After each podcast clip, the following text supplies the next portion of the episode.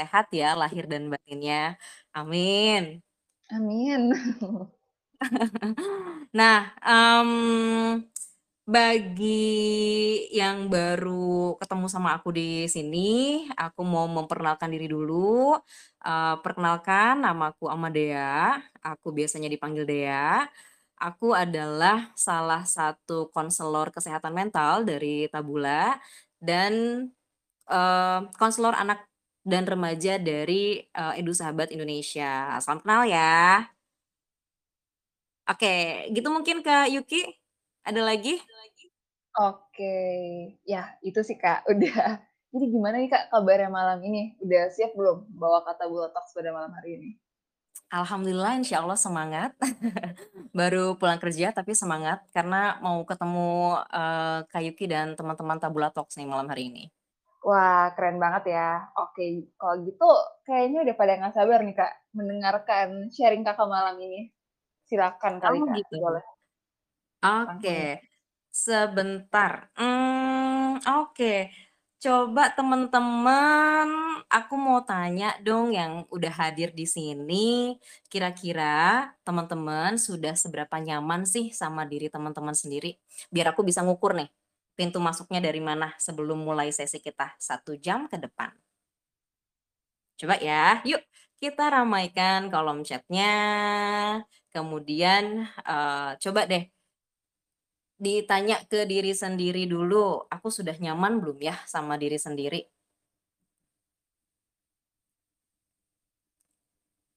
Ayo ayo, eee, nggak akan lama-lama sih, aku hitung sampai berapa ya, Sampai sampai 10 kali Kak. 10, oke.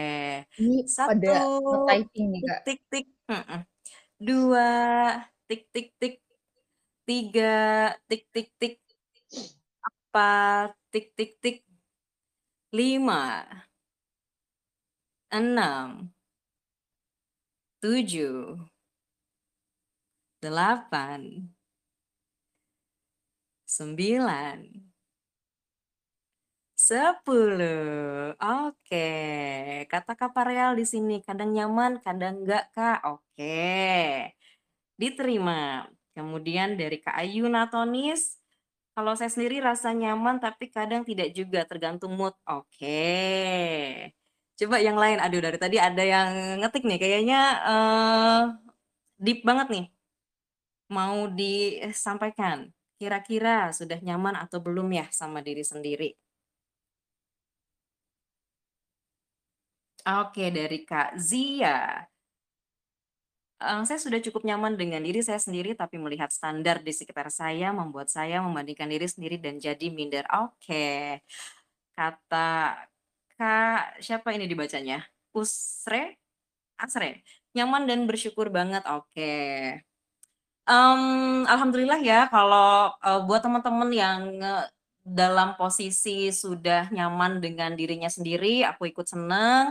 Bagi yang masih setengah-setengah juga, eee, itu sudah baik karena wajar ya gitu, karena kan kita, eee, dalam hidup tuh ada dinamikanya gitu. Jadi kalau nggak melulu merasa nyaman gitu, ada juga nanti, eee, rasa nggak nyamannya, jadi itu adalah hal yang sangat wajar. Oke, ini ada tambahan dari Kak Eka Aprila, "Kurang nyaman karena kurang percaya diri di dekat teman." Oke, tenang Kak Eka, gitu. Insya Allah ya dari sini nanti kita, eee, akan dapat semangat baru, kita sharing bareng. Nah, eee, sebelumnya nih temen-temen, karena sebelum kita masuk ke sesi talkshow kita di Tabula Talks malam hari ini, eee, ini kan bulan Oktober ya, sekarang juga tanggal 28. 28 Oktober itu tanggal apa ya Kak Yuki? Sumpah Pemuda kalau nggak salah ya Kak ya? Waduh waduh Oh, aku Sumpah Pemuda, oke. Nah, yang aku tahu, mmm, temen-temen yang join Tabula Talks nih kira-kira usianya muda-muda semua, ah, yang usia 30, 40 tahun juga semangatnya masih muda-muda sih gitu. Jadi aku mau ngucapin, eee, selamat Hari Sumpah Pemuda dulu ya teman-teman gitu. Jadi kita sebagai pemuda-pemudi harus punya semangat juang, untuk apa? Semangat juang untuk hidup, semangat juang untuk, eee apa, merdeka ya dalam menyatakan pendapat, kemudian merdeka juga untuk jadi diri sendiri. Nah, kemudian selain tanggal 28 tuh kalau nggak salah di tanggal 10 Oktober ada apa itu, Kak? Ayo. Health Day, Kak. Oke, ada, eee, kita memperingati Hari Kesehatan Mental Sedunia ya, 10 Oktober ya. Nah, buat temen-temen di sini yang masih, eee, belum familiar nih, mental mental tuh apa sih mental tuh apa sih? Kayaknya mental ini, mental itu, mental tuh sebenarnya apa? Mental itu pikiran teman-teman, gitu. Pikiran ada yang sehat, ada yang tidak sehat. Nah, eee, kesehatan mental itu sama pentingnya dengan kesehatan fisik, jadi harus dijaga dengan baik. Nah, seperti itu ya. Kemudian, mmm sepertinya oke, kita lanjut aja, Kak. Dari mana nih, Kak? Kita mulai dari mana nih, Kak? Oke, karena tadi ya sudah mengucapkan Sumpah Pemuda, iya sih, Kak, kita harus tetap semangat ya. Mhm. Mmm, aku akan mulai dari tema kita yang paling dasar nih, Kak. Kayak kenapa sih, Kak, alasan apa sih, kenapa sih penting banget untuk harus merasa nyaman dengan diri sendiri? Mungkin dari situ Oh. kali ya? Oke oke. Eee, alasan kenapa oke. Jadi kita kan sekarang bahas tentang rasa nyaman ya. Mungkin temen-temen di sini punya definisinya masing-masing tentang rasa nyaman, karena memang rasa nyaman itu subjektif banget nih teman-teman, gitu. Jadi rasa nyaman satu belum tentu, eee, nyaman di yang lain gitu ya. Jadi kita di sini, eee, ambil satu definisi dari ahlinya ya teman-teman ya, eee, mengenai rasa nyaman itu sendiri. Jadi aku ngambil satu definisi nih teman-teman. Rasa nyaman adalah rasa yang timbul jika seseorang merasa diterima apa adanya, serta senang dengan situasi dan kondisi yang ada. Nah, coba berarti, mmm seorang seseorang tersebut akan merasa nyaman jika dirinya merasa diterima apa adanya ya. Kemudian senang dengan situasi dan kondisi yang ada. Apa adanya tuh berarti tidak kurang, tidak lebih, eee pas gitu, apa adanya. Nah, sehingga bisa kita ambil kesimpulan nih, jadi kalau si orang tersebut tidak merasa diterima apa adanya, tidak senang dengan situasi dan kondisi yang ada dalam hidupnya, bisa kita simpulkan bahwa dia sedang merasa tidak nyaman, gitu. Oke, dari, mmm, itu dari definisi rasa nyaman sendiri. Nah, kemudian, eee kenapa sih merasa nyaman dengan diri sendiri itu penting? Pertama, karena eee, oh mungkin ini ada yang kelupaan nih Kak Yuki. Latar belakang kenapa aku ngambil tema ini. Nah ini penting juga nih teman-teman gitu. Jadi, eee, beberapa hari yang lalu, eee, seorang teman dan klien gitu, beberapa ya, jadi lebih dari satu datang, kemudian sharing bahwa dirinya sedang struggle dengan dirinya sendiri, sampai merasa kewalahan gitu. Dia merasa bahwa hidupnya ini serba salah gitu, jadi dia tidak merdeka dalam menjalani hidupnya sehari-hari, kewalahan, jadi aku mesti ngapain? Seperti itu. Eee, kemudian reaksinya juga sangat di luar, eee, apa, di luar bayangan ya, sampai nangis sesenggukan gitu, nge-blank. Nah kemudian, eee, dari situlah aku, oh kayaknya penting nih gitu, karena ternyata di sekeliling masih banyak ya teman-teman yang, eee, struggling dengan dirinya sendiri dan butuh support, seperti itu. Jadi, eee, kenapa aku mengangkat tema ini. Nah kemudian balik lagi tadi ke pertanyaan alasan kenapa penting. Nah pertama, kalau kita nyaman dengan diri sendiri, kita tidak lagi capek cari validasi orang lain untuk membuat kita merasa berharga, itu pertama. Kemudian, eee, tidak terobsesi dengan standar hidup orang lain. Nah, kemudian kalau kita nyaman dengan diri sendiri juga hati jadi mudah bersyukur, mudah, eee, mengapresiasi hal-hal sederhana yang terjadi dalam hidup kita. Ketika kita ditempa, eee, tantangan hidup gitu, kita masih bisa melihat sisi baik dari tantangan hidup tersebut. Walaupun realistisnya ketika menjalani tantangan hidup tersebut perih gitu. Tapi kalau kita masih bisa melihat, eee, sisi baik dari tantangan itu, wah itu udah levelnya, eee, tinggi ya, gitu. Kemudian, eee, lebih menghargai hidup yang kita punya. Nah, kurang lebih, eee, itu adalah alasan kenapa sih penting merasa nyaman dengan diri sendiri, karena efeknya juga nggak main-main kalau kita merasa nyaman dengan diri sendiri. Kurang lebih itu, eee, Kak Yuki. Wah, ternyata dengan ya 3 ini aja kayaknya sulit ya, Kak. Menurut aku sendiri sih sulit sih, untuk kayak nggak ca cari validisi validasi dari orang lain, kemudian nggak terobsesi juga sama kehidupan orang lain. Karena kan sering banget ya, kita secara nggak sadar kita kayak langsung ngebandingin diri kita dengan orang lain, apalagi dengan peer kita, teman-teman seumuran kita. Iya nggak sih, Kak? Kadang ada gak sih momen-momen di mana kayak kita ngerasa, "Wah, kok kayaknya eee, dia umur gue sama nih sama kayak orang ini, tapi kok kayaknya orang ini lebih bisa achieve banyak, lebih banyak dibandingkan, eee, diri kita sendiri.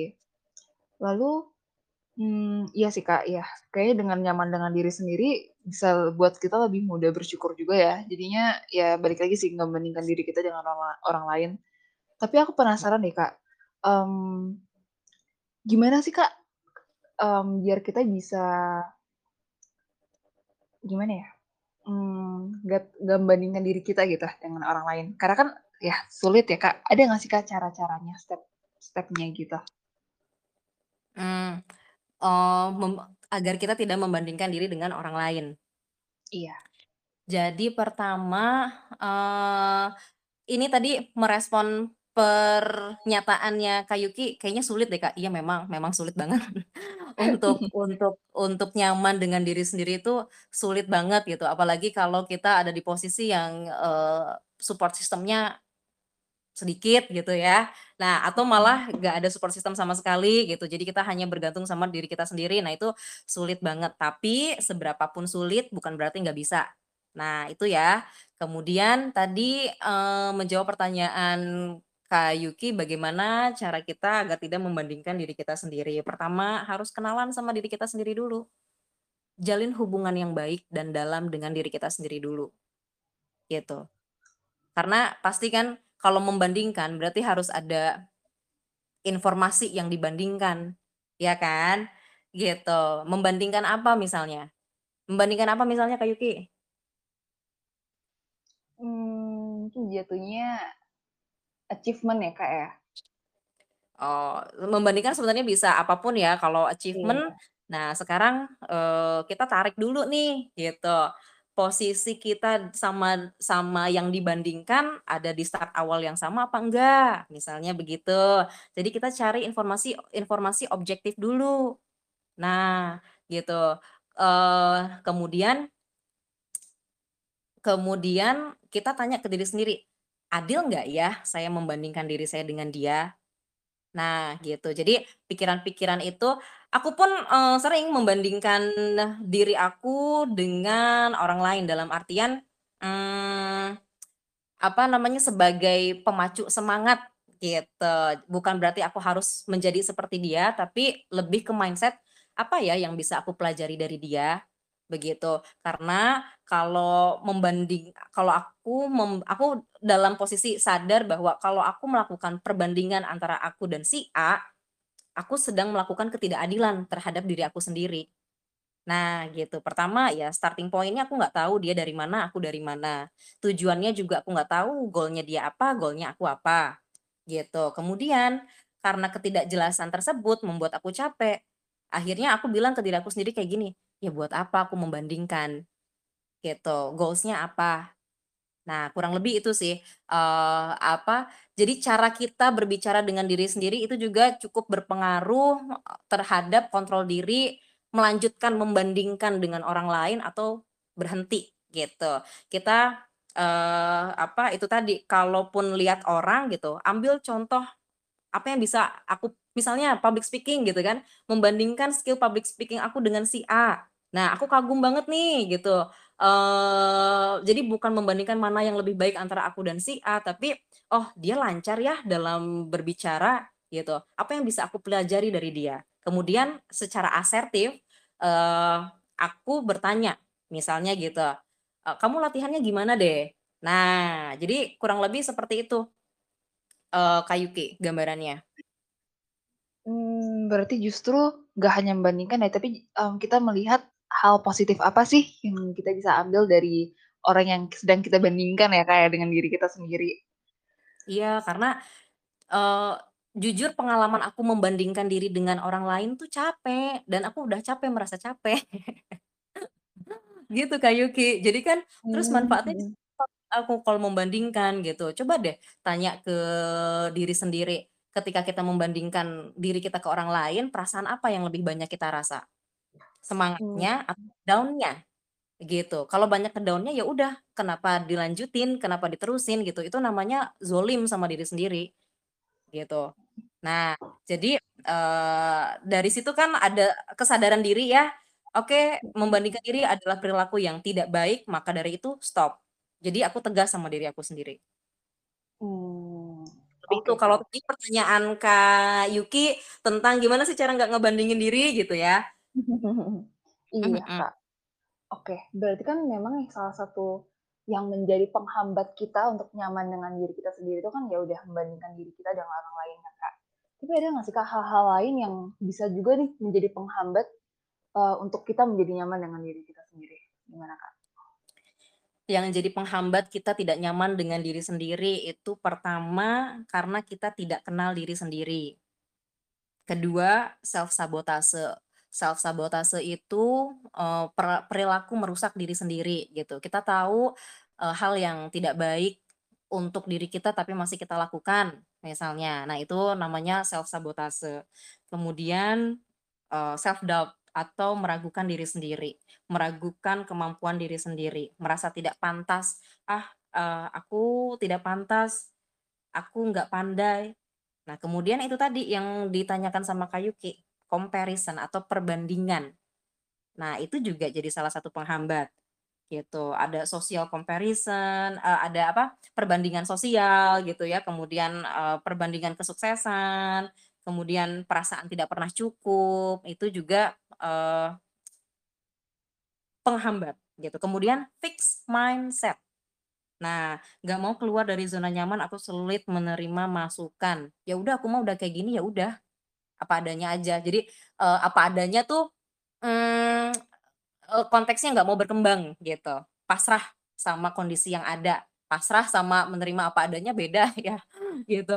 Pasif gitu, eee, udah tahu jelek tapi masih dipertahankan, eee, sikap jeleknya misalnya. Nah itu, nggak bagus, gitu. Kurang lebih itu, ada berapa poin tuh tadi Kak Yuki? Ada 5 ya? Yang jadi Iya, Kak. Mhm, Nah benar ba nah, Kak, mhm. berarti, mmm, dari poin-poin ini nih, kayak ya udah yang tadi Kakak sebutin ya, hal-hal yang jadi penghambat kayak perasaan nggak cukup, kemudian fixed mindset yang buat kita, mmm, nggak bisa keluar dari zona nyaman, terus kita juga sabotase diri sendiri dan membandingkan ya social comparison gitu ya, Kak, ya. Nah, Mhm gimana mhm. sih, Kak, mmm, cara kita biar bisa mengatasi nih perasaan-perasaan ini, biar kita bisa nyaman dengan diri kita sendiri? Oke, tadi dari poin pertama dulu, tidak kenal diri sendiri. Otomatis kan kalau kita nggak kenal sama diri sendiri, kita harus kenalan, gitu ya. Kita jalin hubungan baik sama diri kita sendiri, karena, mmm hub karena pada dasarnya hubungan sama siapa pun, dasarnya ya pengenalan gitu. Jadi semakin dalam kita mengenal diri sendiri, semakin dalam juga kualitas hubungan kita terhadap diri kita sendiri. Contoh, eee, ini ya, misalnya pernah Kak Yuki pernah naksir seseorang? Pernah suka? Hah? Pernah, Lagi enggak? Oh pernah, oke. mhm. Eee, kalau lagi naksir seseorang apa yang Kak Luki eee, apa yang Kak Yuki lakukan? Mmm, kayaknya ya sering dipikirin ya, Kak, jadinya. Terus Mmm. paling ya mengamati dari jauh. Karena aku ya tipe yang malu-malu gitu, Kak, jadi ya aku kayaknya nggak berani langsung ngedeketin. Oh, tapi, eee, kalau berusaha mengenal nggak orang yang Iya, disuka? pasti, Kak, pasti. Karena kan ya kita harus kenal dulu ya, untuk biar bisa lebih Mmm. tahu apakah kita kira-kira suka atau enggak sama orang ini. Nah, gitu. Kurang lebih, eee, itu juga yang harus kita lakukan ke diri kita sendiri gitu, untuk bisa suka sama diri kita sendiri coba kita, eee, kenalan deh gitu, dari pertanyaan sederhana, "Apa ya yang aku sukai dari diri aku? Apa yang tidak suka?" Kemudian, eee, "Apa yang menjadi kelemahan aku dan apa yang menjadi kelebihan aku?" Kemudian, eee, pertanyaan-pertanyaan batin seperti itu coba dituliskan deh, gitu. Kalau aku sih ditulisin Kak Yuki, gitu. Jadi, eee Aku coret-coret nih di buku harian aku, apa sih yang aku suka dari diri aku sendiri, kemudian apa yang tidak aku suka, kenapa. Apa yang jadi kelebihan aku dan apa yang jadi kelemahan aku. Eh, ternyata setelah aku tulis, eee, kelebihan dan kelemahan aku, lebih banyak kelemahan nih, gitu. Eee, kelebihannya 5, kelemahannya 10, misalnya gitu. Nah, eee, apa yang aku lakukan? Nah Jadi diterima dulu, oh ini objektifnya gitu, kelebihan aku ada 5, kelemahan aku ada 10, yang limanya dipertahankan, yang sepuluhnya dikurangi, gitu. Jadi nanti, eee, apa namanya, ditulis gitu kan, karena kalau cuma nempel di pikiran akan menguap gitu aja, gitu. Jadi di-breakdown dulu nih, eee, apa, mengenali diri sendiri dengan menuliskan di buku harian, kalau aku selalu menyarankan untuk journaling ya teman-teman, di-breakdown isi pikiran, karena kan kita mikir terus-menerus gitu, tapi nggak nemu nih solusinya apa, ditulis, gitu. Kalau benang kusut diurai. Nah, pikiran kita kusut diberesin, dengan cara ditulis, tahap demi tahap gitu, biar kita dapat Clearance atau kejelasan. Nah, seperti itu. Jadi, eee, tadi nih ketika kita, oke kata Kak Dea harus, eee, nulis kelebihan dan kelemahan, ternyata kelem kele kelebihanku leb eee, lebih sedikit daripada kelemahanku. Nah, ini sekarang tergantung teman-teman menyikapinya gimana, gitu. Eee, menghadapi realita kelem kelemahannya yang lebih banyak, mau diperbaiki atau dibuat ngedown. "Yah, aku kelemahannya lebih banyak, ya udah Ya udah selesai, kalau kita pikirannya begitu, ya udah selesai, nggak ada perubahan apa-apa. Tapi kalau, "Oh ternyata kelemahan aku lebih banyak ya, apa nih yang bisa aku lakukan untuk memperbaiki kelemahan aku?" Gitu. Jadi nanti, eee, dari yang 10 kelemahan ini, satu per satu kita latihan untuk mengurangi, eee, apa, sikap-sikap kelemahannya. Jadi kan kayak kalau matematika, eee, ada yang berkurang, ada yang bertambah ya Kak Yuki? Ya, Ya. Nah, jadi, satu-satu yang kalau kelemahannya berkurang, nanti kelebihannya bertambah, gitu. Jadi kalau sekarang teman-teman ada di posisi awal yang kelemahannya lebih banyak, jangan kecil hati, tenang, gitu. Teman-teman mas punya banyak cara untuk mengatasi kelemahan tersebut. Nah, selama teman-teman mau belajar, mau berlatih, dan mau bayar apa yang teman-teman, eee, mau dapet, Teman-teman pasti bisa akan ada perubahan dan hasilnya akan teman-teman rasakan sendiri gitu. Misalnya teman-teman ma apa, eee, nggak percaya diri bentuk tubuh gitu, apa yang bisa dilakukan untuk untuk, eee, apa, memperbaiki untuk lebih percaya diri dengan badan sendiri? Olahraga, gitu kan. Nah, kemudian aku mau lebih nyambung kalau ngobrol sama orang, Kak, baca buku, gitu. Kemudian aku pengen networking aku lebih banyak, Kak, eee, teman aku lebih banyak, ya ikut komunitas komunitas gitu, komunitas satu, komunitas, eee, apa, yang lainnya juga. Nah, gitu. Kemudian Eee, teman-teman mau jajan boba misalnya, ya sediakan uang tiga puluh sampai empat puluh ribu baru dapat bobanya gitu kan. Jadi, eee, semua itu nggak gratis, ada harganya gitu. Jadi kalau teman-teman mau dapat apa yang teman-teman mau, coba tanya ke diri teman-teman sendiri, sejauh mana sih teman-teman mau dapat apa yang teman-teman inginkan, gitu. Nah kemudian kalau, "Kak aku udah coba segala cara tapi belum berhasil." Coba cek motivasinya, jangan caranya. Nah, misalnya begitu kurang lebih, Kak Yuki. oke. Berarti nggak hanya dituliskan dan direfleksikan ya, Kak, ya, tapi kayak dari kita diri kita sendiri itu juga harus ada effort ya, Kak, untuk, men-solve nih gimana caranya kita meng-cover dan men bisa menerima pada akhirnya mungkin bisa mendevelop hal yang baru gitu untuk mengatasi kekurangan dalam diri kita. Bener nggak Kak, kayak gitu? Iya. Oh, betul betul, kurang lebih kurang lebih kayak gitu, Kak. Jadi ada tergantung ya teman-teman apa yang mau kita perbaiki di diri kita gitu. Kalau kita, eee, nggak kita nggak nyaman di mana misalnya gitu kan tadi. Jadi, mmm, ada orang yang nggak nyaman di, eee, cara berpikir gitu, dia jadi takut berpendapat. Nah akhirnya, eee, dia selalu nahan-nahan untuk nggak nggak berpendapat karena takut di-judge, akhirnya dia terpaksa melakukan apa yang orang lain mau gitu kan, jadinya ngebatin sendiri. Nah berarti, eee, yang mesti diperbaiki kepercayaan dirinya gitu, mulai dari cara berpikir. Ada juga orang yang nggak percaya diri sama bentuk badannya, berarti yang lainnya yang lain-lainnya aman, eee, masalahnya ada di fisik misalnya, ya sudah kit kalau kita nggak nyaman di badan kit apa, yang kita rasakan adalah ketidaknyamanan di tubuh kita, berarti coba kita cari informasi yang objektif misalnya, eee, kalkulator dulu di BMI, Body Mass Index gitu kan, kita termasuk yang overweight atau underweight gitu. Nah, jadi kan dari situ identifikasi masalahnya jelas ya, kita mesti ngapain. Nah, kalau kita underweight, oh berarti kita harus, eee, olahraga atau makan banyak biar, eee, tubuhnya proporsional. Tapi kalau ternyata overweight, berarti kita harus, eee, apa, mengurangi asupan ak asupan-asupan yang, eee, bikin terlalu gemuk nih, misalnya gitu. Dan balik lagi, kalau memang kita punya, eee, ketidaknyamanan pada bentuk tubuh, sekali lagi standar cantik itu sehat kalau buat aku. Nah gitu ya. Kemudian mau standarnya dari, eee, barat, Asia Timur dan lain-lain, kalau tidak sehat tidak cantik, misalnya gitu. Kemudian, mmm, kita terlahir tuh sudah dalam kondisi otentik teman-teman, gitu. Kita sama saudara kita sendiri aja tuh beda. Nah sekarang yuk, eee, kita temukan nih, kita kembangkan apa yang sudah baik di diri kita, kemudian, mmm, dipangkas yang, nggak nggak baiknya, misalnya begitu. Kurang lebih itu untuk kalau, eee, case-nya fisik ya temen eee, Kak Yuki, kurang lebih. Kira-kira ada yang mau ditanyakan nggak nih Kak Yuki? Aku kecepatan nggak Mmm. ngejelasinnya?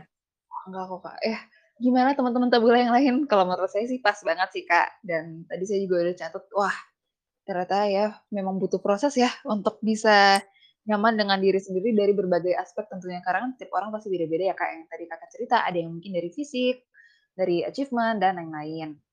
Oke, ada sih, Kak, yang aku penasaran juga nih, Kak. Mmm, Efek apa apa sih, tuh? Kak efek apa sih, Kak, yang bisa kita rasakan saat kita sudah nyaman dengan diri kita sendiri? Oke, berdasarkan pengalaman aku, kalau kita sudah nyaman dengan diri sendiri, itu damai dan merdeka, gitu, efeknya. Jadi setiap kali aku bangun tidur, aku jelas tujuan aku apa, kemudian aku bangga dengan apa yang aku lakukan, kemudian, eee, ini sedikit cerita ya, aku kan ke kantor naik motor, jadi, eee, aku happy gitu, eee, apa namanya, ya udah menjalani rutinitas sehari-hari tuh, ma datang ke kantor, ketemu rekan kerja, ket kemudian ketemu klien gitu, happy, ringan gitu dan, eee, apa Eee, energi tuh nggak pernah bohong gitu. Kalau kitanya memang nyaman sama diri kita sendiri, kita jujur sama diri kita sendiri, itu energinya kerasa sama orang lain, gitu. Jadi, eee, orang lain juga yang baru kenal sama kita, punya impresi yang bagus, punya kesan yang bagus sama kita. Kemudian juga, eee, percaya sama kita. Jadi, eee, apa, mereka tidak ragu datang misalnya minta pertolongan gitu kan, atau jadinya, eee, apa, Ber eee eee, tidak ragu untuk berkenalan gitu. Kemudian secara fisik juga jadi sering apa, karena sering senyum kan, ramah, jadi ya gimana sih kalau apa, Kak Yuki deh gitu dalam posisi yang damai, ringan gitu.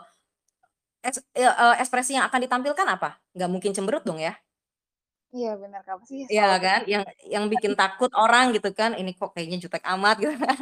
Nah gitu, eee, selalu bercanda, kemudian senyum gitu, itu energinya tuh akan, apa namanya, getaran energinya tuh kerasa sama orang, Gitu.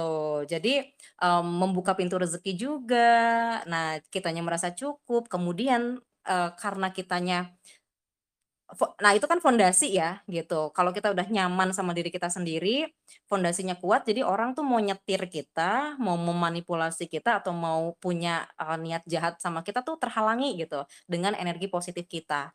Itu adalah, eee, berdasarkan pengalaman aku. Nah, kenapa aku bisa bilang kayak gini, karena aku merenung, refleksi diri dari catatan-catatan journaling aku, gitu. Jadi setiap minggu aku selalu melakukan riset, teman-teman, gitu. Riset mental sama riset fisik. Riset mental aku journaling gitu kan, aku tuliskan apa yang aku syukuri, terima kasih karena aku muslim ya, terima kasih ya Allah aku masih sehat gitu kan, eee, apa, sakit pun aku bersyukur karena dengan apalagi, eee jan eee, Agustus, September, Oktober tuh aku sakit, eee, pancaroba kan, Kak Yuki, gitu. Sakit, kemudian sembuh, terus sakit lagi gitu. Aduh nikmat Oh. banget ya sakitnya gitu, eee, jadi berasa lebih hidup. Nah, jadi, eee, narasi-narasi yang aku kasih ke diri aku sendiri tuh positif, walaupun ironis gitu, aku lagi sakit tapi aku masih bisa bersyukur, misalnya begitu. Kemudian, eee, jadi banyak hal lah, aku selalu mengingatkan diri aku, eee, hal-hal yang eee, apa namanya, membuat aku, bersy ber bersyukur gitu, termasuk hal-hal ironis. Nah, kurang lebih gitu, kemu itu untuk riset mental. Untuk riset fisik biasanya aku bebersih kamar, manusiawi banget kan ya, gitu, biasa banget kan, teman-teman juga bisa, mmm, melakukan hal itu, kemudian aku mandi. Nah, itu Kak Eee, apa namanya, mandinya mandi self-care yang, eee, dari luluran dan lain-lain. Nah, jadi, eee, apa namanya, hal-hal biasa jadi nggak biasa gitu, eee, efeknya ke batin, ke jiwa. Nah, jadi aku setiap harinya hidup tuh dengan jiwa, bukan tanpa jiwa. Nah, kurang lebih itu, eee, apa namanya eee, efek dari merasa nyaman dengan diri sendiri. Nah, nanti orang juga kita nggak minta feedback apa-apa, tapi feedback itu datang sendiri, gitu. Kurang lebih gitu. Ada yang mau ditanyakan nggak kira-kira, eee, Kak Yuki?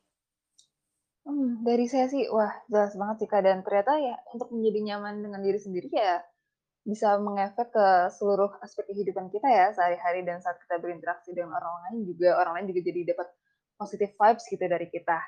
Oke, ini ada yang raise hand nih, Kak, mungkin pengen sharing, Kak Floyd Hansen. Saya allow to speak ya, Kak? Oke. Ok Kak Floyd? Halo, Kak Floyd?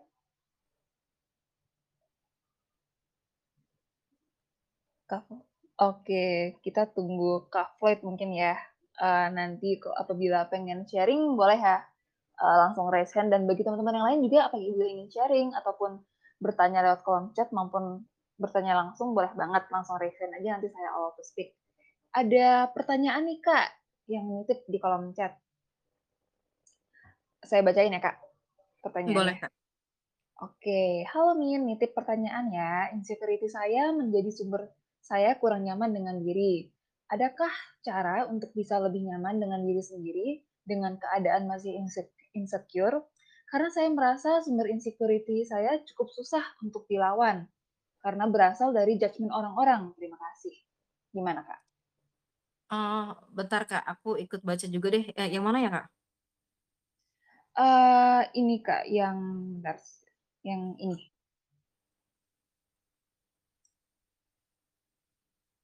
Sebentar. Yang it Oke, Oh, seben oke oke, iya iya iya iya, aku baca. Mhm. Adakah cara untuk bisa lebih nyaman dengan diri sendiri dengan keadaan masih insecure? Karena saya merasa sumber insecurity saya cukup susah untuk dilawan karena berasal dari judgement orang-orang. Terima kasih, oke. Memang judgement orang-orang tuh ngeri banget ya gitu, apalagi kalau dalam kondisi kitanya masih, mmm, apa, belum kuat gitu kan, terus tekanan dari eksternal, eee, banyak gitu, itu memang realistisnya sulit, tapi sekali lagi bukan berarti nggak bisa.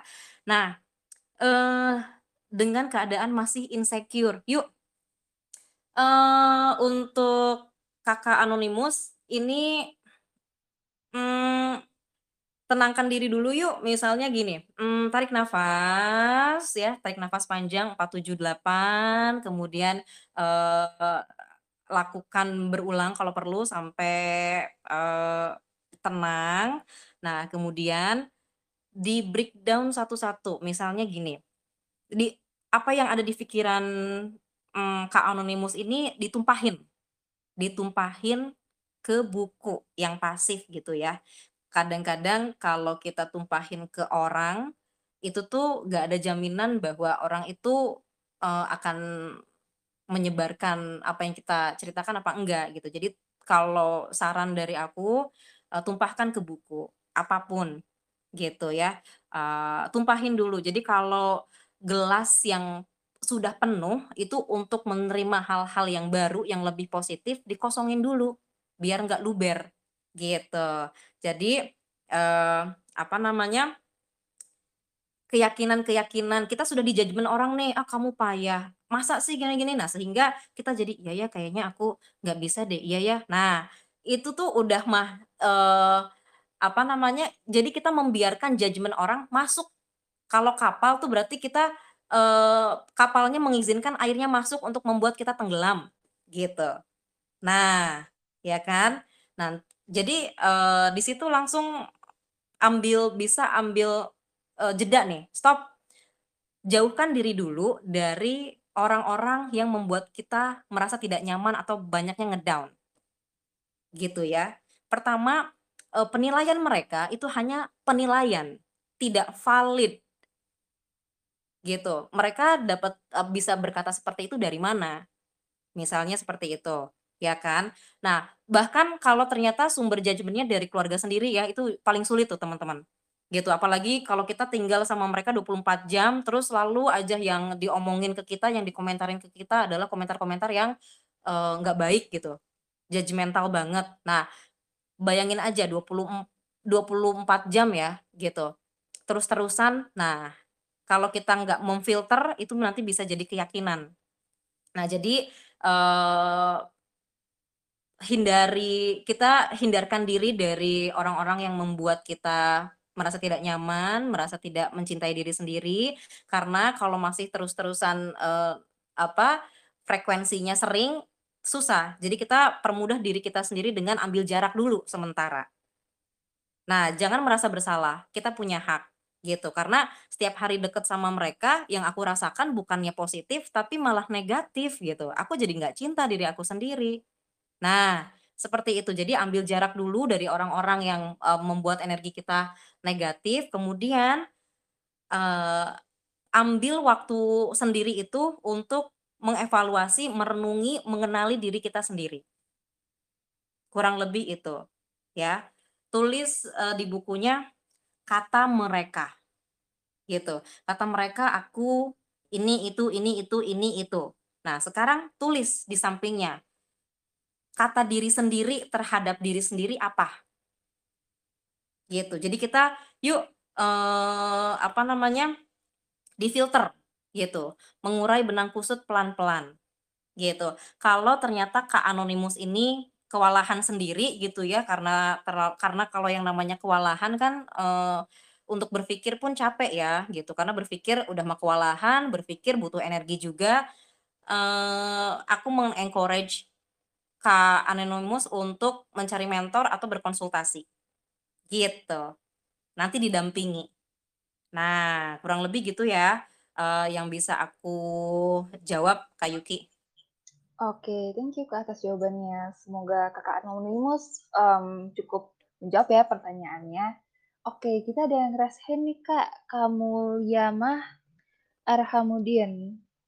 Oke, sudah di-allow to speak, silakan Kak. Eee, baik, sebelumnya aku ucapin terima kasih ke Kak Yuki dan juga Kak Dea atas sharing-nya tentang materi ini. Dan di sini juga aku mau sharing sedikit soal cerita aku tentang ketidaknyamanan aku yang sampai sekarang aku sering rasain. Eee, gini, eee, aku suka banget dan ini sering banget terjadi di diri aku, aku merasa nggak nyaman karena pandangan orang terhadap aku. S sejak masuk bangku kuliah, aku dipandang orangnya pintar, eee, orangnya berwawasan tinggi. Nah, eee, karena pandangan orang tentang aku, ketika aku berbuat salah, aku merasa bersalah dengan diri aku ketika aku nggak menuhin ekspektasi orang tentang pandangan mereka bahwa aku ini berwawasan tinggi, aku pintar, semacam itu. Tapi sebenarnya aku niatnya nggak sombong, eee, aku juga nggak bilang bahwa aku ini pintar, tapi mereka memandang aku pintar. Nah, ketika aku berbuat salah, ketika aku membuat kesalahan misal di kelas, aku nggak bisa jawab pertanyaan dosen, mereka kayak mandang aku, "Kok dia nggak bisa jawab padahal kan dia pintar?" Gitu. Nah, di situ setiap malam aku kayak sedih gitu, kenapa ya? Padahal aku nggak minta bahwa aku ini orang pintar, dibilang pintar. Nah, eee, di situ mulai aku ngerasa nggak nyaman banget dengan diri aku sendiri, merasa terus menyalahin nyalahin diri aku sendiri. Nah, gimana sih, Kak, eee, tipsnya aku agar aku bisa keluar dari perasaan-perasaan ketidaknyamanan diri aku itu, gitu? Eee, itu aja dari eee, itu aja pertanyaan aku, Kak. Terima kasih. Oke, Kak, eee eee, dipanggilnya siapa nih? Kak Mualimah? Kak iya iya bisa, Kak. Oh, oke. Eee, makasih ya udah sharing. Mmm, alhamdulillah kalau orang eee, pertama disyukuri dulu, eee, apa, pandangan orang yang, eee, baik baik ya, gitu. Eee, nah, sangat wajar sih, sangat wajar kalau kalau kita merasa bersalah apabila, eee, tidak memenuhi ekspektasi orang lain, misalnya begitu. Tapi di sini juga kita harus tahu batasannya nih, eee, karena ada hal yang bisa kita kontrol, ada hal yang tidak bisa kita kontrol. Misalnya begini, mmm, jadi ini bisa, eee, kalau kalau aku ada di posisi Kak Mualimah aku selalu me merasionalisasinya begini, mmm, semua orang tuh punya ketajamannya masing-masing di bidang tertentu, misalnya begitu ya. Kalau, eee, ada orang berpandangan, "Kan pinter, kok nggak bisa jawab sih?" Kira-kira ketidaktepatannya ada di mana? Gitu. Definisi pintar misalnya apakah memang harus bisa menjawab semua, ya kan? Nah jadi, mmm, dari pikiran itu aja sudah membuat aku lega sih dan tidak menyalahkan diri aku sendiri, eee, Kak Mualimah, gitu. Jadi, mmm, apa namanya, asertif aja, oh, eee, apa namanya, kalau ternyata tidak bisa jawab gitu kan, tidak bisa jawab hari ini, bisa aku cari tahu dulu jawabannya besok sehingga, eee, aku bisa jawab, misalnya gitu. Ini, mmm, apa ya, kalau nggak salah kalau nggak salah, eee, pengalaman aku di Tabula Talks pertama, eee, Kak Mualimah, ada temen-temen yang menanyakan pertanyaan yang aku nggak bisa jawab. Nah gitu, karena memang bukan bidang aku di situ. Nah jadi kan ini, eee, penerimaan juga, oh, eee, apa namanya, ada rasa, "Yah ini pertanyaan, eee, temen-temen nggak bisa aku jawab nih," gitu. Ada perasaan kecewa ke diri sendiri tapi aku nggak tenggelam, gitu. Eee, apa namanya, wajar aku nggak tahu jadi yang, eee, apa namanya, aku lakukan adalah aku sampaikan bahwa untuk hal ini, m belum aku bisa jawab tapi nanti aku jawab di kesempatan berikutnya ya, gitu. Jadi itu kan hal yang manusiawi dan, eee, apa namanya, jadi sebenarnya wajar dengan cara bertanya ke diri sendiri seperti itu, itu bisa, eee, mengurangi rasa bersalah kita. Ada kecewa tapi itu hal yang manusiawi, kurang lebih gitu Kak Mualimah, gitu. Sesuai dengan pengala apa, berdasarkan pengalaman aku sih cara untuk, eee, membuat diri aku lebih baik, tidak kecewa berlebihan atau menyalahi diri aku dengan sadar bahwa tidak semua hal bisa aku kuasai, gitu. Jadi aku terima, eee, ada hal-hal yang tidak bisa aku jawab, tidak aku ketahui, tapi bukan berarti, eee, aku nggak nyari tahu jawabannya, seperti itu. Perkara, eee, pendapat orang di luar sana seperti apa, itu bukan urusan aku, misalnya begitu. Nah, jadi, ki eee, aku mengurusi hal-hal yang memang bisa aku kontrol aja. Kurang lebih seperti itu. Ada lagi yang mau ditanyakan atau belum jelas mungkin Kak Mualimah? Jelas banget Kak Dea, terima kasih tipsnya. Ya, terima kasih kembali Kak Mualimah. Iya, Kak. Oke. Thank you ya Kak sudah bertanya. Oke, nah di sini ada yang raise hand lagi nih Kak, tapi sebelum itu kita, eee, kembali ke pertanyaan di chat dulu ya sebentar. Ada nih dari Kak Yolan P. "Kak izin bertanya, nggak nyamannya saya sama diri diri kan kadang karena insecure. Apakah definisi insecure itu kurang atau tidak bersyukur sama diri sendiri?" Mmm, wait wait wait, aku sambil scrolling-scrolling, Iya, eee, Kak. Kak Yolan. Aku familiar banget nih sama Kak Yolan nih. Kayaknya rajin Oh. ya Kak Yolan ikut Tabula Talks. Iya Bagus jelas itu. Kak, setiap minggu. Iya. Heeh. Wait wait, mana ya? Bentar bentar bentar ya teman-teman. Aku scrolling-scrolling dulu. Mmm. Yang mana sih Kak? Tolong di oh Nih iya Kak, ini aku dapet Mmm, Kak? Oke. dapet, iya. "Kak izin bertanya, nggak nyamannya saya sama diri kan kadang karena insecure. Apakah definisi insecure itu kurang atau tidak bersyukur sama diri sendiri?" Mmm. Definisi insecure itu kurang atau tidak bersyukur dengan diri sendiri. Oke, ini variabelnya apa ya? Eee, mhm mhm mhm mhm mhm. Nah, ini nih. Eee, apa namanya, in the moment of relate banget sama perta apa, eee, pengalamannya Kak MA. Jadi aku mikir dulu ya, eee, Kak Yolan gitu. Apakah definisi insecure itu kurang atau tidak bersyukur sama diri sendiri? Nggak bisa dibilang tidak bersyukur sama diri sendiri sih, gitu. Kadang-kadang gini, eee apa namanya kadang-kadang pendapat orang lain eee, wait wait wait. Tuh kan bener kan, relate kan? Eee, mmm boleh nggak nanti dulu sampai aku dapet insight, tapi hari ini juga aku jawabnya? Karena ini Oke. ag apa namanya, abstrak nih, aku belum masuk, mmm, kira-kira menjelaskannya pintu masuknya dari mana ya, gitu. Oke Kak, boleh Kak. Nanti kan, mmm, ada sesi chat juga ya, sampai jam 8.30. Jadi ya mungkin kalau misalnya nggak keburu da jawab langsung, bisa jawab lewat chat juga. Kak Oke, Yolan tadi ditunggu ya.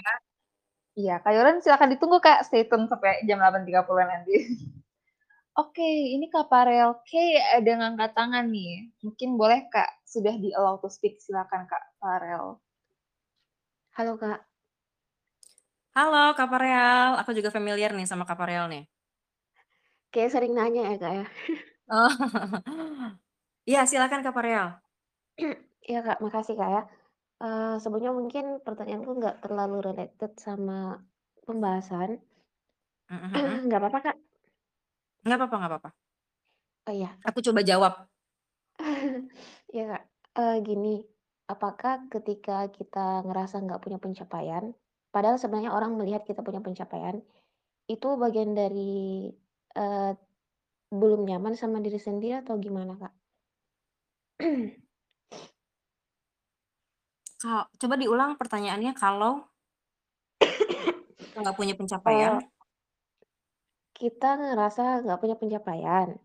Mmm, Misalnya mhm nih mhm. udah udah dapat satu pencapaian, tapi kok pada saat udah sampai di situ, eee, ngerasanya, "Ih, nggak ada pencapaian sama sekali sebenarnya," gitu. Itu bagian nggak nyaman sama diri sendiri juga, apa gimana, Kak? Oh, kalau itu tadi bagian dari salah satu penghambat kita jadi merasa tidak nyaman dengan diri sendiri, gitu, merasa tidak cukup. Nah, gitu. Nanti, mmm, apa namanya, kita bisa tulis tuh apa sih yang membuat kan berarti nggak sinkron tuh, orang, eee, melihat kita ada pencapaian, tapi kita sendiri melihat diri kita sendiri tidak ada pencapaian, gitu. Nah, jadi, eee, itu masuk tadi ke salah satu faktor penghambat kita tidak nyaman dengan diri kita sendiri, merasa tidak cukup. Jadi, eee, kita harus check and recheck bagaimana cara kita komunikasi ke diri kita sendiri, gitu. Jadi, kenapa ya orang lain, eee, punya pandangan yang bagus sama diri kita, tapi diri kita sendiri ke diri kita tidak punya pandangan sama bagusnya, misalnya gitu. Nah jadi tadi, eee, ditulis-tulis lagi, eee, apa namanya, mengusahakan untuk merasa cukup, goals-goals-nya oke, eee, apa namanya, goal-goals pribadi gitu ya, kalau kalau, eee, oh saya sudah ada di tahapan ini nih, kemudian tadi disyukuri gitu. Kemudian kalau masih tetap merasa tidak cukup, nah ini pertanyaannya, eee, balik ke diri sendiri, apa yang membuat saya tidak cukup gitu. Berarti kan, eee, kadang-kadang orang tuh ngelihat diri kita banyak achievement-nya karena mereka tuh belum di di levelnya kita misalnya begitu, belum di posisinya kita, sehingga mereka melihat kita sudah banyak achievement-nya yang mereka belum achieve. Nah gitu, sedangkan kita yang sudah achieve itu otomatis butuh lebih, jadi kita mikirnya diri kita tuh, eee, belum achieve. Nah ini kan, eee, kembali lagi main ini ya, mental gitu, cara berpikir. Oke, jadi, eee, tidak masalah, jadi posisi orang tuh kita kan nggak tahu ada di mana gitu, eee, apa namanya mereka bisa melihat kita sudah achieve, karena merekanya belum achieve, nah kita melihat diri kita belum achieve karena ada hal-hal, eee, tujuan kita yang belum kita capai sehingga kita achieve dari mananya, orang goal-goal apa, goal eee, tujuan-tujuan yang aku punya belum sebagian belum achieve gitu kan, ada yang belum achieve. Nah jadi itu lebih ke persepsi, seperti itu. Apakah, eee, jelas di sini Kak Pareal? Eee, iya udah jelas Kak, eee, boleh nanya satu lagi? Boleh boleh. Eee, apakah juga masuk dari belum kenal sama diri sendiri Kak, kalau misalnya, eee, kita belum bisa beradaptasi di tempat baru? Oh oke, jadi di sini ada hal yang ada hal yang dasar banget gitu ya sama beradaptasi, eee, di tempat baru. Otomatis Kak, nah beradaptasi di tempat baru tempat baru gitu, otomatis kan kita belum kenal, jadi wajar kalau kita belum nyaman.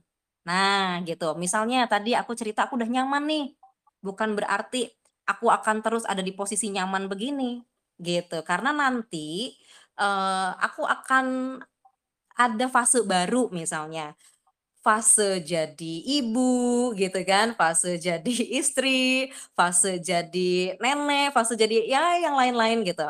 Nah ada hal-hal baru yang aku juga belum alami, yang butuh adaptasi sehingga proses adaptasi itu selalu tidak nyaman.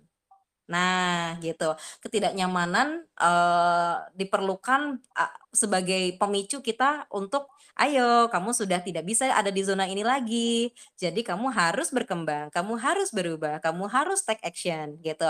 Nggak mau kan terus-terus dalam kondisi yang tidak nyaman seperti ini, mau nggak mau karena, eee, tempatnya berubah, kamu juga harus ikut berubah, tanpa menghilangkan identitas diri kita gitu loh. Jadi yang dimaksud nyaman dengan diri kita sendiri tuh dasar, eee, kita sebagai individu gitu. Saya, eee, Amadea Safira passion saya di kesehatan mental, nah gitu. Jadi, eee, kesehatan mental tuh kan luas gitu, banyak hal-hal di, eee, dunia psikologi yang tidak aku kuasai semua gitu. Jadi tetep aja aku harus telus terus belajar dan itu banyak juga proses tidak nyamannya.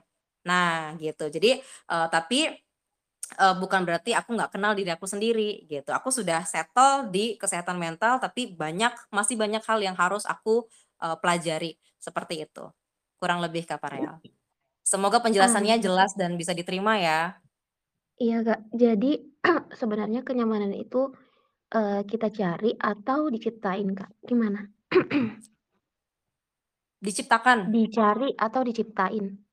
Diciptakan, kalau buat aku ya, diciptakan gitu. Jadi, eee, kalau dicari itu nanti terlalu abstrak, kita nyari aja terus, sama aja kayak kita nyari kebahagiaan gitu.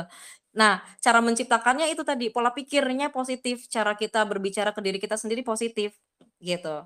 Menolak, eee, hal-hal negatif yang bisa mengganggu ketentraman jiwa kita. Jadi kita ciptakan dengan berpikir positif, "Oh oke, ada yang, eee, kritik aku," gitu kan, eee, "agak nggak enak sih dikritik, tapi coba deh, eee, ada nggak hal-hal yang bisa aku perbaiki dari kritikan ini, yang nyentil aku yang memang harus diperbaiki?" Nah, itu kan realistis ya, gitu. Jadi, eee, apa namanya, terus fokus sama hal yang baik-baik, yang buat yang baik-baik tapi tetap realistis gitu. Jangan fok ka ilustrasinya gini, mmm, masalah dateng gitu.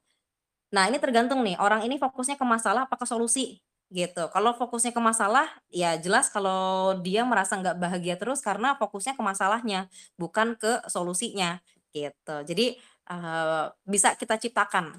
Jadi kenyamanan bisa kita rasakan sekarang, kita ciptakan sekarang, kebahagiaan pun sama gitu. Tapi tentunya dengan proses latihan ya, tetap ada proses, tetap ada latihan, semuanya juga latihan, gitu. Kurang lebih. Sampai sini apakah bingung atau sudah Cukup. tergambar jelas? Cukup, Kak, clear. Makasih Iya. banyak, Kak. Sama-sama Kak Pareal, semoga bisa membantu. Amin. Oke, terima kasih Kak Pareal, dan terima kasih juga Kak Dea sudah menjawab. Wah, Kak, ini ada yang raise hand lagi dan kayaknya banyak juga pertanyaan lewat chat, tapi karena waktu sepertinya sudah semakin dekat ke jam 8 malam, maka kita alihkan nanti ke chat aja ya Kak Dea ya. Dan Boleh. teman-teman yang lain, apabila masih ingin bertanya, mmm, silakan langsung chat ya, karena kita masih buka waktu sampai jam 8.30. Dan bagi teman-teman yang mungkin sungkan untuk bertanya, bisa juga lewat admin Tabula, jadi akan diajukan pertanyaan secara anonimus. Oke, thank you banget ya Kak Dea yang sudah, eee, meluangkan waktu untuk menjadi narasumber kita hari ini dan juga sudah, eee, bersedia menjawab pertanyaan-pertanyaan teman-teman Tabula nih Kak. Thank you banget ya, Kak. Sama-sama Kak Yuki dan teman-teman semua. Oke, nah sebagai penutup nih, mungkin aku akan menginformasikan, eee, beberapa hal ya teman-teman Tabula semuanya. Jadi seperti biasa, Tabula Talks akan ada giveaway, 2 pemenang akan mendapatkan free sesi konseling dengan konselor Tabula selama 45 menit. Caranya gampang banget, yang pertama follow akun tabula.id di Instagram, post di Instastory kamu manfaat yang didapatkan selama mengikuti Tabula Talks, dan tag akun tabula.id dan tag 3 teman kamu yang kamu rasa akan mendapatkan manfaat nih dari Tabula Talks. Nah, setelah ini saya juga akan mengirimkan sebuah link bagi teman-teman yang ingin mendapatkan sertifikat bisa mengisi link tersebut. Nah, sekian nih informasi dari saya. Karena waktu sudah menunjukkan jam 8, maka Tabula Talks hari ini akan ditutup ya teman-teman. Terima kasih bagi teman-teman Tabula semuanya yang sudah mendengarkan dari awal sampai akhir. Dan terima kasih juga untuk Kak Dea yang sudah membawakan Tabula Talks malam hari ini yang tentunya keren banget ya teman-teman. Nah, saya Sama-sama Kak Yuki. Iya, thank you banget ya Kak. Iya, teman-teman semua makasih ya, sehat-sehat selalu. Oke, see you minggu depan teman-teman Tabula semuanya. Terima kasih.